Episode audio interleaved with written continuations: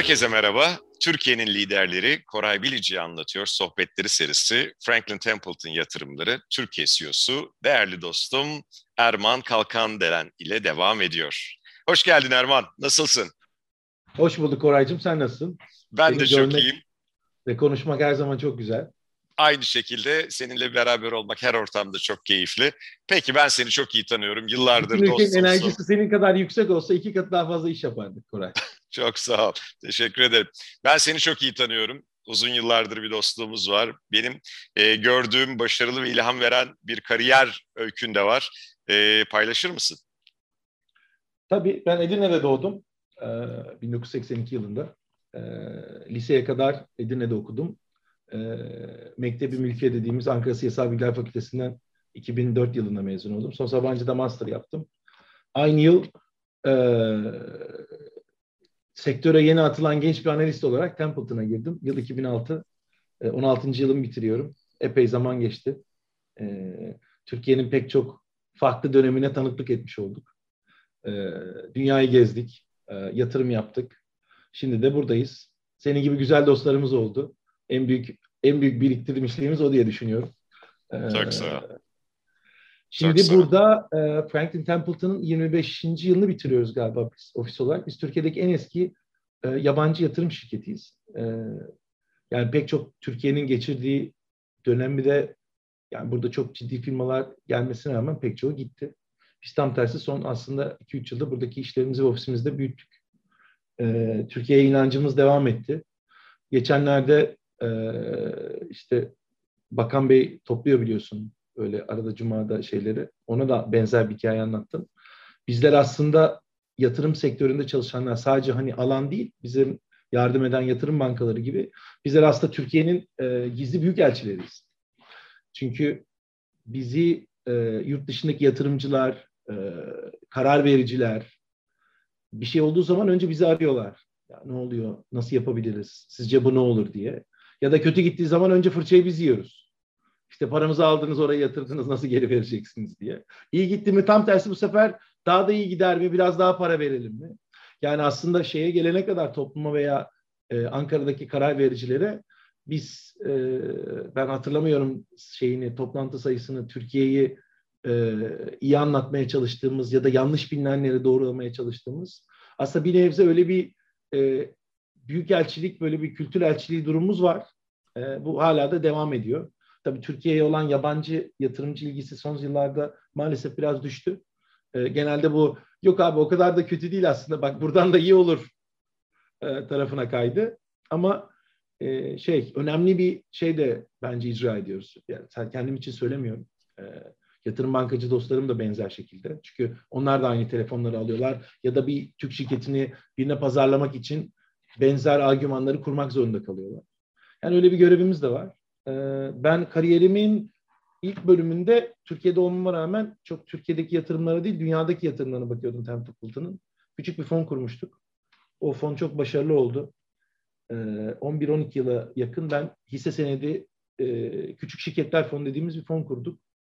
Ee, onun yatırımlarını yaptım. Yani Brezilya'dan Tayvan'a yıl içinde yaklaşık 4-5 ay hep seyahat ettik e, şey için kişisel olarak zor bir iş. Ama öğrenim olarak e, kariyer gelişimi, kişisel gelişim için de çok faydalı olduğunu düşünüyorum. Yaklaşık 5 yıldır biz Türkiye'deki hisse senedi yatırımlarımızı azalttık. Diğer bütün yabancı fonlar gibi ama private equity dediğimiz daha halka kapalı şirketi olan yatırım tarafındaki aktivitemizi büyüttük. Bugün 13 kişilik Levent'te bir ofisimiz var. Daha da büyütmeye çalışıyoruz şu an işlerimizi. Ee, yaklaşık 1 milyar dolara yakın bir varlık yönetiyoruz e, son zamanlarda teknolojiye olan ilgi arttı. Senin de çok yakından takip ettiğin gibi. E, teknoloji tarafında daha fazla küçük şirketlere nasıl destek oluruz? Bizler tabii çok daha büyük şirketlerle iş yapmaya alışmış insanlarız. Yani bizim portföyümüzde bugün çok e, yakın zamana kadar Defacto, Filo, Netlog gibi milyar dolara yakın ciro yapan ya da değerlemesi olan şirketler onların dertleriyle hep uğraştık ya da aldık sattık. Hepsi burada şimdi tabii küçük şirketlerin dertleri de değişik. Ee, ama heyecanlı bir nokta. İşte sen de bir kısmını yaşıyorsun. Ee, şimdi onlara da yardım etmeye çalışıyoruz. Yani aslında portföyümüzün şeyini alta doğru da açtık. Yani şu an neredeyse yarım milyon dolar için bile baktığımız yatırımlar var teknoloji tarafında ama genç insanlara destek olmak, e, Türkiye'de bir şeylerin yaratılmasını görmek bize çok keyif veriyor.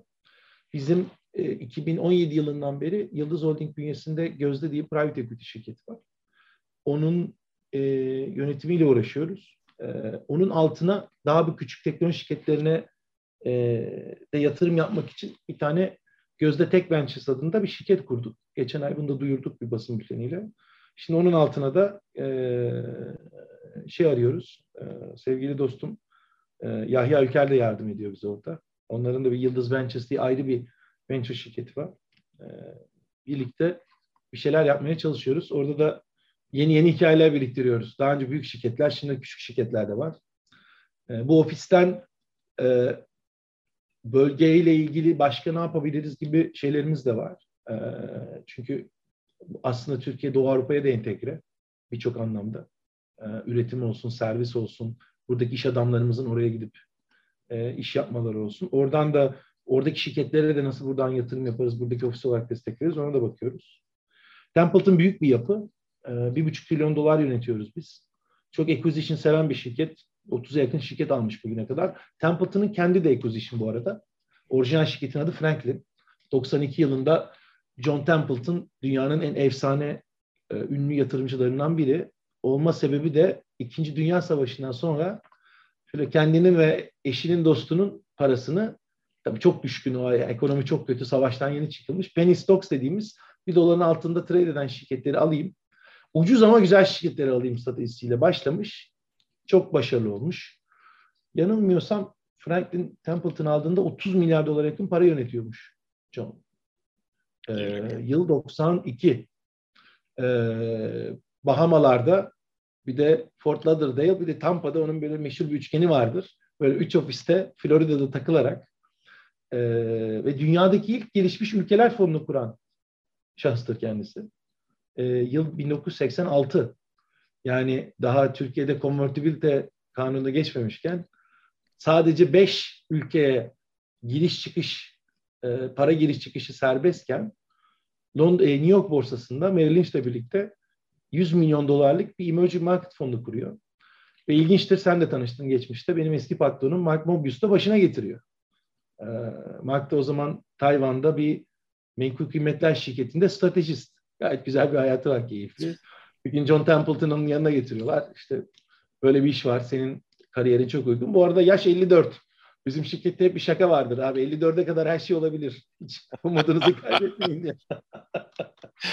ee, ve Mark ondan sonra tabii ondan bayrağı devralıyor. Franklin de zaten John Templeton'dan Templeton'ı satın alıyor. Mark'la devam ediyorlar ve Mark dünyada yani gelişmekte olan piyasalar kelimesiyle eş anlama gelmiş bir e, lider oldu. Çok sevildi. Türkiye'de dahil. Hala çok iyi dostlukları vardır. E, biz Türkiye'de birçok şirketin e, Akbank'tan, Türksel'e, Türk Hava Yolları'ndan e, böyle neredeyse double digit dediğimiz böyle ailelerin ailelerden sonra en büyük ortaklarından biri olduk. Hatta ilginç bir hikayemiz de var. E, 2006 yılında, 2005 yılında TE'nin ikinci halka arzı oluyor. Tabii o çok bir ilgi yok. Bir kriz çıkmış galiba o zaman tam hatırlamıyorum. Merkez Bankası krizi. E, kimse gelmiyor halka arza. Bir biz alıyoruz bir de bir kişi daha. Yüzde yirmi bu arada satılan şirketin toplamı. Yüzde on altısı falan biz alıyoruz. Ben geldiğimde işe başladığımda 2006'da bir baktım T'nin yüzde on altısı bizim. Sonra rahmetli Kemal Bey vardı. Kemal Unak'tan. Ee, biz dedik ki o zamanki ortağım Carlos dedi gidelim bir yönetim kurulu üyesi isteyelim. Yani şirketin yüzde on altısı bizim. Ee, gittik e, Ankara'ya. Sağ olsun rahmetli o zaman Kemal Bey dedik ya Kemal Bey şöyle böyle işte bakın biz şöyle şey. Vallahi dedi ben çok müteşekkirim. Size bir değil iki tane vereyim. Biz de şey bekliyoruz. Bizi böyle kızacak falan. Ne alaka kardeşim ne yönetim kurulu falan. Yok dedi biz bir taneyi zor bulduk. İkinciye bulaşmayalım. Muzaffer Bey sağ olsun Akpınar e, iyi dostumuz. E, çok değer kattı Türk Hava Yolları'na. Biz Türk Hava Yolları'ndan iki sene sonra çıktık. O bir 10 yıl daha yönetim kurulu üyeliği yaptı. E, çok e, o ekibin de çok iyi bir şeyi oldu. O ekibe de çok büyük katkıları oldu. Geçenlerde bu eski günleri andık kendisiyle. E, yani böyle çok ilginç günlerimiz oldu. İyi de kötüyü de gördük Koraycığım e, Türkiye'de.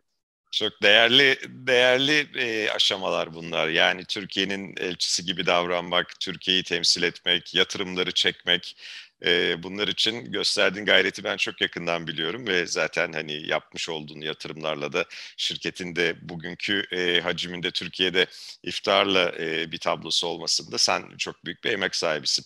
Şimdi sana bir şey soracağım. İki tane kavram var ve bu farkı gerçekten en iyi senin anlatacağını düşünüyorum. Private equity ve public equity arasındaki farkı konuşarak başlayalım. Nedir farkları? Aslında çok basit bir fark var. Bir şirket e, hayat eğrisinde içine küçük ortakları almak istediği zaman yani e, ben bir borsaya kote olayım, binlerce yeni ortağım olsun. E, bu sayede de içeri öz sermaye koyayım ve bununla daha çok büyüyeyim. Ya da cebime para alayım. Hani yıllarca ben uğraştım dediği zaman şirketler halka açılıyor. İşte biz hepsi burada Nasdaq halka açtık geçen yıl. Amerika'daki ilk Türk şirketi oldu. Türkiye'de daha önce Şoku Penta'yı e, e, başka şirketlerimizi halka açmayı başardık. Açamadıklarımız da oldu de facto gibi. Ee, onlar nerede açtığından bağımsız içeriye dışarıdan ortak almak istediğiniz ve bir borsaya kote olup bir regülatör tarafından da regüle olmayı kabul ettiğiniz zaman halka açılıyorsunuz. Ee, bu bir meşakkatli proses. Genelde 5-6 aylık bir süreç alıyor her şirket için. Ee, Amerika'da çok yaygın bir yöntem. Bunun tabii bir avantajı daha var. Türkiye'de az kullanılsa da yöneticilerinizi de bununla motive edebiliyorsunuz. Yani bugün bir şirket kursak senle, e, belli bir yere gelsek, e şimdi bugün maaşla mesela çok iyi yöneticileri almak çok zor. Mesela Amerika'da bu sorun çok uzun zamandır var. E o insanlara bir hisse vermen lazım. E verdik diyelim biz yeni bir şirket kurduk. Yüzdenle yüzde beşi dağıttık 4-5 tane arkadaşa. Çok memnun geldiler. E aradan 5 yıl geçti. Şirket iyi gidiyor. O 5'i nasıl kullanacaklar? Ya o kağıt üstünde bir şirketin ortasının ama maddi değeri ne? Tabii çalışanları da motive etmek, onların da ceplerine para girmesini sağlamak, o değerin kristalize olması için halka açılmak çok iyi bir araç. Dezavantajı ne? Ee, bir regülasyona tabisiniz zaten Türkiye'de SPK, Amerika'da SEC gibi. Ee, kurallara uymanız lazım. Sürekli bir raporlama yapmanız lazım vesaire. Avantajı var, dezavantajı var. Private equity e, aslında çok ilginçtir. Yani Türkiye'de bu podcast dinleyen insanlar da ilgisini çekerse private equity'nin tarihi de çok ilginç. E, aslında e, KKR diye bir şirket var Amerika'da. E, bu şirket 1960'ların sonu 70'lerin başında merchant banking dediğimiz böyle yatırım bankasıyla kredi verme arası bir işler yapıyorlar. Fakat halka kapalı şirketlerde de ortak olunup onların büyümesi veya bazı financial engineering dediğimiz hani borçla alayım, şirkete o borcu ödettireyim, biraz da e, vergi teşviğinden faydalanayım. Böylece 5 yıl içinde aldığım borç kendi kendine ödesin. Şirketin de şu kadarı bana kalsın gibi. Hmm. Financial Engineering'den tut ya da ben büyüyen bir şirkete ortak olayım genelde bizim yaptığımız gibi. Onun büyümesinden faydalanayım. Bir gün ya halka açarız ya birine satarız kafasıyla. Aslında halka açmayı istemeyen veya orada hazır olmayan şirketleri bir önceki etapta girilen işe de private equity deniyor. Aslında onun bir öncesi de venture capital dediğimiz çok daha küçükken içine girdiğin şirketler oluyor. Tabii bunlar arasındaki şeyler son 3-4 yılda sınırlar böyle blörleşmeye başladı.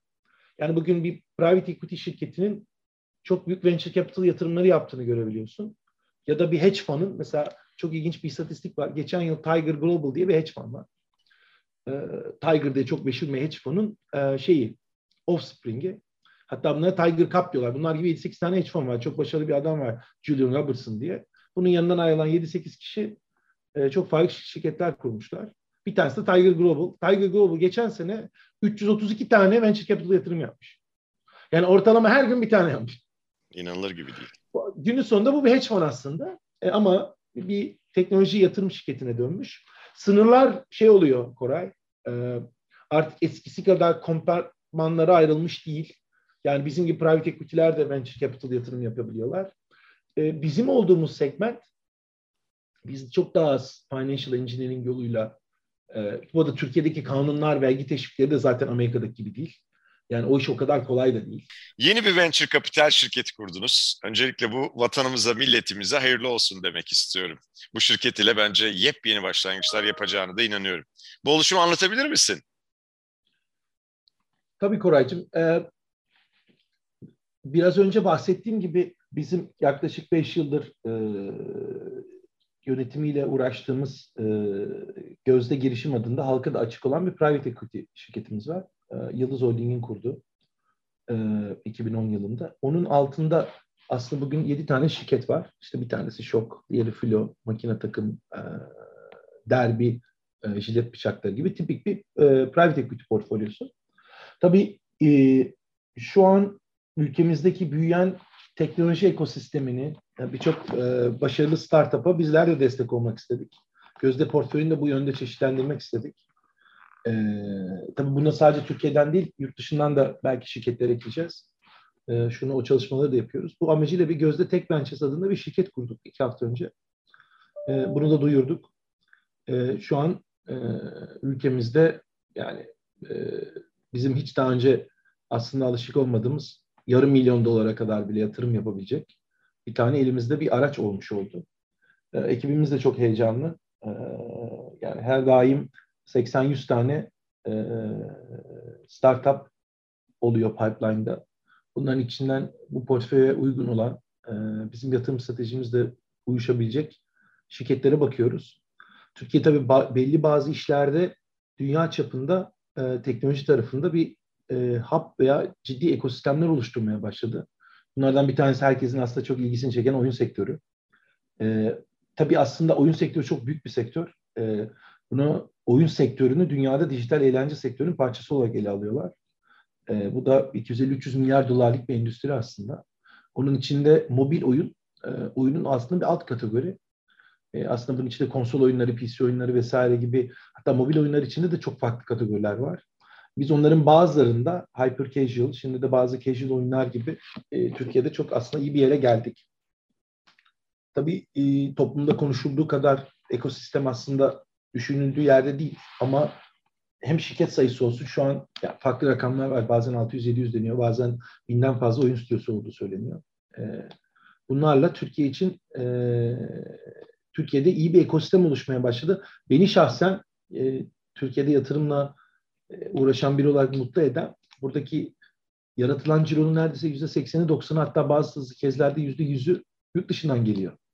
Yani teknoloji öyle bir şey ki e, Koray artık biz bizler ihracat yapmak için e, eskiden fabrika kurardık. E, şimdi hizmet ihracatını oturduğun yerden üç tane genç yetenek arkadaşımız yerden oyun yazarak onu da Apple Store'a veya Google e, Play Store'a koyarak tüm dünyada oyunu sevenleriyle buluşturup e, bundan gelir elde edebiliyor. E, ve o para Türkiye'ye girebiliyor. Yani o açıdan bence evet. oyun sektörü çok değerli. İnanılmaz evet. katlı değerli bir iş. Herhalde 1 milyar dolarlık oyun cirosu ve çok tabii. sektörün 4-5 milyar dolarlık cirosuna eşdeğer. Tabii. Ciddi sıkıntılarımız var tabii. Ee, özellikle son birkaç senede benim gördüğüm e, özellikle yetenek tarafında çok ciddi sıkıntı var. E, yeterince hızlı yazılımcı e, sadece oyun için de değil aslında birçok sektör için. Mesela SaaS geçenlerde belki fark etmişsindir Insider e, adlı bir Türk şirketi milyar doların üstünde değerlemeyle e, 100 milyon dolardan evet. fazla yapıldı. Evet, Bu da büyük başarı hikayesi. Evet. Aynen çünkü hem Hande ve ekibi hem içindeki Türk yatırımcıları e, ama beni mutlu eden bir tane daha şey var. Aslında SaaS'la oyun gibi Türkiye'de geliştirdiğiniz yani mutfağının burada olduğu ama tüm dünyaya software as a service dediğimiz yani bir servis gibi o yazılımı insanlara tüm dünyada sattığınız bir iş. Ee, bu da çok değerli. SaaS tarafında da Türkiye'de ciddi şeyler var. Ciddi startuplar oluşmaya başladı. E, e-commerce tarafında işte hepsi burada Trendyol vesaire getir. E, Türkiye'deki e-ticaret şirketleri e, dünya çapında yaptıkları takip edilir oldu. E, yani böyle 3-4 tane aslında kendimize teknoloji tarafında bir yer bulduk e, Türkiye'de. Bence yeterli mi yani burasının potansiyelini düşünürsen? Ya bence Türkiye'nin burada gidecek çok yeri var. Ama biraz plan, biraz program lazım. Bence teş, daha fazla teşvik lazım. Bu arada daha fazla teşvik derken epey iş yapıldı son 5 yılda. Yani TÜBİTAK'tan KOSGEB'e onlarca e, teknoloji geliştirme merkezlerinden teknoparklara çok fazla teşvik program yapıldı. Dün e, hükümet e, ADQ e, Abu Dhabi fonuyla 300 milyon dolarlık bir teknoloji fonu duyurdu. E, işte onu benim anladığım e, varlık fonu 1 milyar dolara çıkarmak istiyor. Ya hiç bu aslında bir şey yapılıyorsa en çok genelde bu alanda yapılıyor. Bence onun meyvelerini de alıyoruz ama bence Türkiye'nin potansiyeli çok daha fazla. Sana ilginç bir fun fact vereyim. Yani İtalya'daki unicorn sayısı bir. O da geçen ay çıktı. Bizde şu an altı. Wow, çok iyi rakam. Yani e, ama Estonya'da 15. Estonya Kadıköy'den küçük. E, yani gideceğimiz çok yer var. E, bu kadar sorunun içinde makro dengesizlikler, e, son 4-5 yılda yaşadığımız badireleri düşünürsen e, aslında çok şey, e, çok promising, çok heyecan verici. E, ama gidebileceğimiz yeri hayal edince ben Türkiye'nin teknoloji tarafında da e, çok ciddi işte bugün oyun olsun işte dediğim gibi sağ olsun, e-ticaret olsun çıkardığı bu unicornları veya dünya çapında iş yapan şirketlerden çok daha fazlasını yapabileceğini düşünüyorum. Daha fazla talent yetiştirmemiz lazım. Ee, ciddi yazılımcı eksiğimiz var. Girişimciliği daha fazla desteklememiz lazım. Ülke olarak. Ee, çok yol aldık bence son 10 yılda. Rahmetli Ziya Hocam, e, Ziya Boyacıgiller çok uğraşırdı. E, ben hatırlıyorum o zaman sadece private equity ile uğraşıp e, onun yanına gittiğimiz zaman o ilk Türkiye'de Angel Network'leri kurdukları zaman, startuplara küçük küçük para koydukları zaman işte bir konferans olur 30-40 kişi gelirdi. Ee, şimdi yani dünya çapında girişimci konferansları oluyor burada. Yani 10 yılda aslında ekosistem çok yol aldı. Ee, ama bence dediğim gibi gideceğimiz çok yer var. Ve bunun da ben uzun vadede işte senin çocuklarına, benim çocuklarıma e, daha iyi bir Türkiye, daha iyi bir gelecek bırakmak için çok önemli olduğunu düşünüyorum. Çünkü biz Türkiye'de bazı bazı teknoloji trendlerini kaçırmıştık. Ee, yani bizim şu an Kore Kore'de kadar güçlü bir e, hardware ekosistemimiz yok maalesef. Ne öyle bir ARGE sistemimiz var ne de o kadar fazla şirketimiz var. Bu bir kaçırdığımız trendi. Ama bence bu yeni yazılım ve teknoloji tarafıyla bence bunun bir kısmını geri alma şansımız var. Biz de işte bunda çorbada bir tuzumuz olursa ne hala. Seve seve e, desteklemeye hazırız. Hem Templeton olarak hem buradaki Türkiye'deki ekip olarak. Ee, Erman, e, Türk şirketlerinin nabzını aslında çok iyi tutuyorsun. Bunu en iyi bilenlerden bir tanesisin. Peki değişen koşullar ile bizim şirketlerimizin karşılaştıkları sorunlar nelerdir? Bir de hani hep bunların bir e, büyüme konusunda yaşadıkları, hep gündemde olan böyle majör başlıklar neler? O konuda da yorumlarını paylaşır mısın? Tabii hep klasik söylediğim bir şeyi söyleyeyim. Yani bu bir e, ilk ilk elden deneyim. Ben eskiden e, gelişmekte olan piyasalar e, fonu yönetirken dediğim gibi ya, yılda 30-40 tane ülkeye ziyaret yapıp şirket geziyorduk. Türk şirketleri iş yapış şekli, yöneticilerinin kalitesi yani ben ilk üçten aşağı koymam hatta bizim buradaki hani bölgedeki peerlarımızla yani eskiden biz Rusya'ya da çok yatırım yapıyorduk. Onları ya da Doğu Avrupa'daki ya da Orta Doğu'daki şirketleri düşünürseniz ilk bire de koyarım. Türk şirketleri çok dayanıklı krizlere şey Türk yöneticileri çoğu esnek, çalışkan, dürüst e, ve değişime de çok çabuk ayak uydurabilen bir ekosistem bu. E, orada aslında biz şanslıyız. E, yani bunu biz yatırımcılar için şey çok önemli tabii. Hem şirket sahiplerinin hem de yöneticilerin bu özellikleri bizim için çok kritik.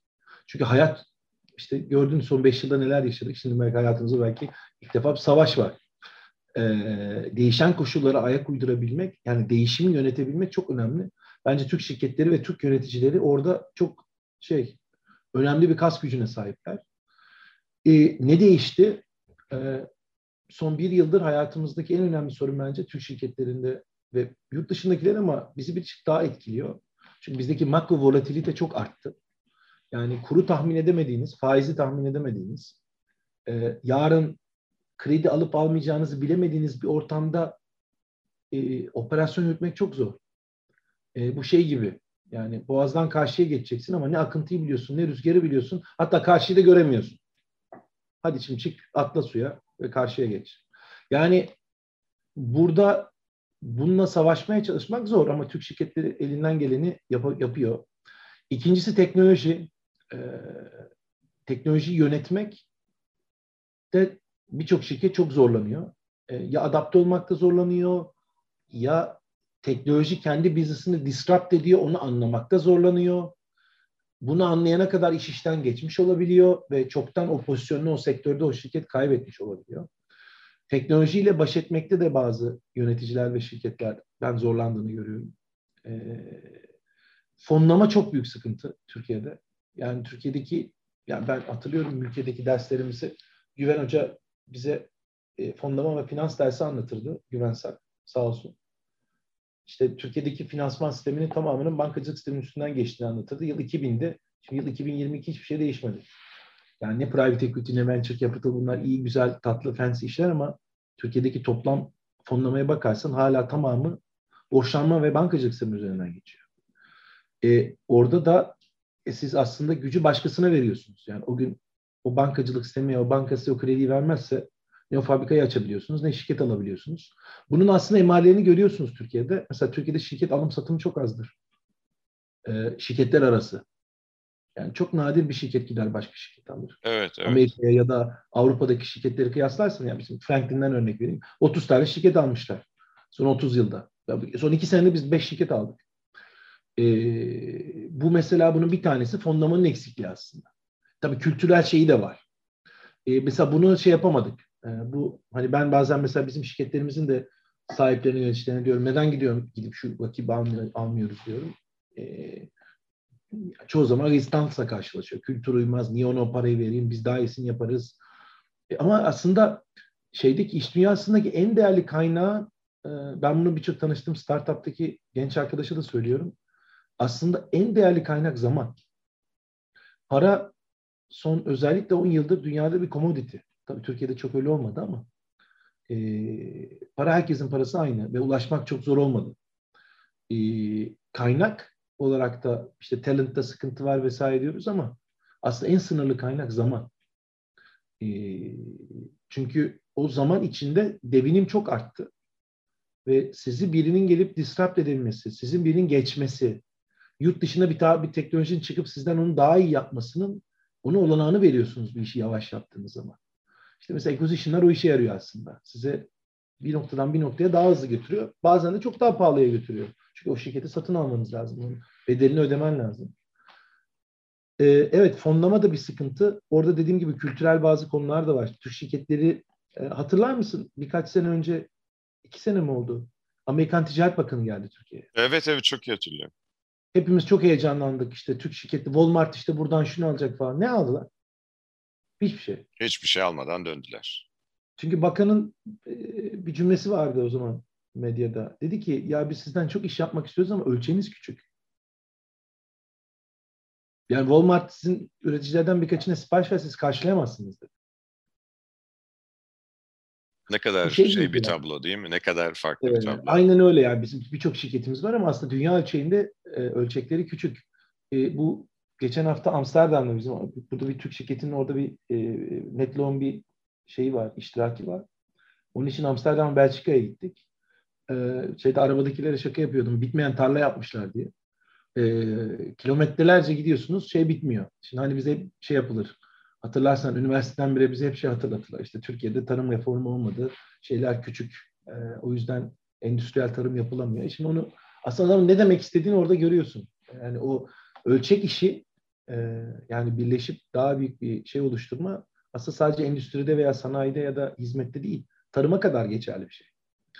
E, ne kadar ölçeklendirebilirsen o kadar daha fazla kaynağa sahip oluyorsun. Ama maalesef Türkiye'de oradaki bence şeyi yakalayamadık. Başka e, volatilite dediğim gibi bence şu an e, şu an en büyük sorun o. Bir yönetici olmak şu an ya da bir şirket sahibi olmak çok zor. Bu yatırımı yapayım mı? Yapmayayım mı? Dolarla mı borçlanayım, TL ile mi borçlanayım? İhracat yapabilir miyim, yapamaz mıyım? Savaş çıktı, e, Avrupa Birliği kalacak mı? Yok Rusya'ya ihraç ediyordum. Şimdi ona edemeyeceğim. E, orada sanction var, burada sanction yok. Çok zor. E, tabii bu tip dönemler belirsizlik iş dünyası için senin de bildiğin gibi çok kötü bir şey. Çünkü belirsizlik büyümeyi küçültür. Büyümeyi ortadan kaldırır. Yani belirsiz ortamlarda karar vericiler karar alamadığı için aslında potansiyelin altında büyürsün. Bizim gibi de genç nüfusun işsizliğin yüksek olduğu yerlerde belirsizlik çok kötü bir şey. Yani bence hani e, ben karar verici olsam e,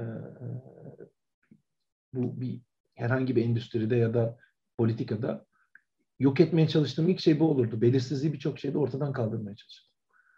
Bu regülasyon olabilir bazen. Bu bazen işte fonlama olabilir. Bazen marka volatilite olabilir.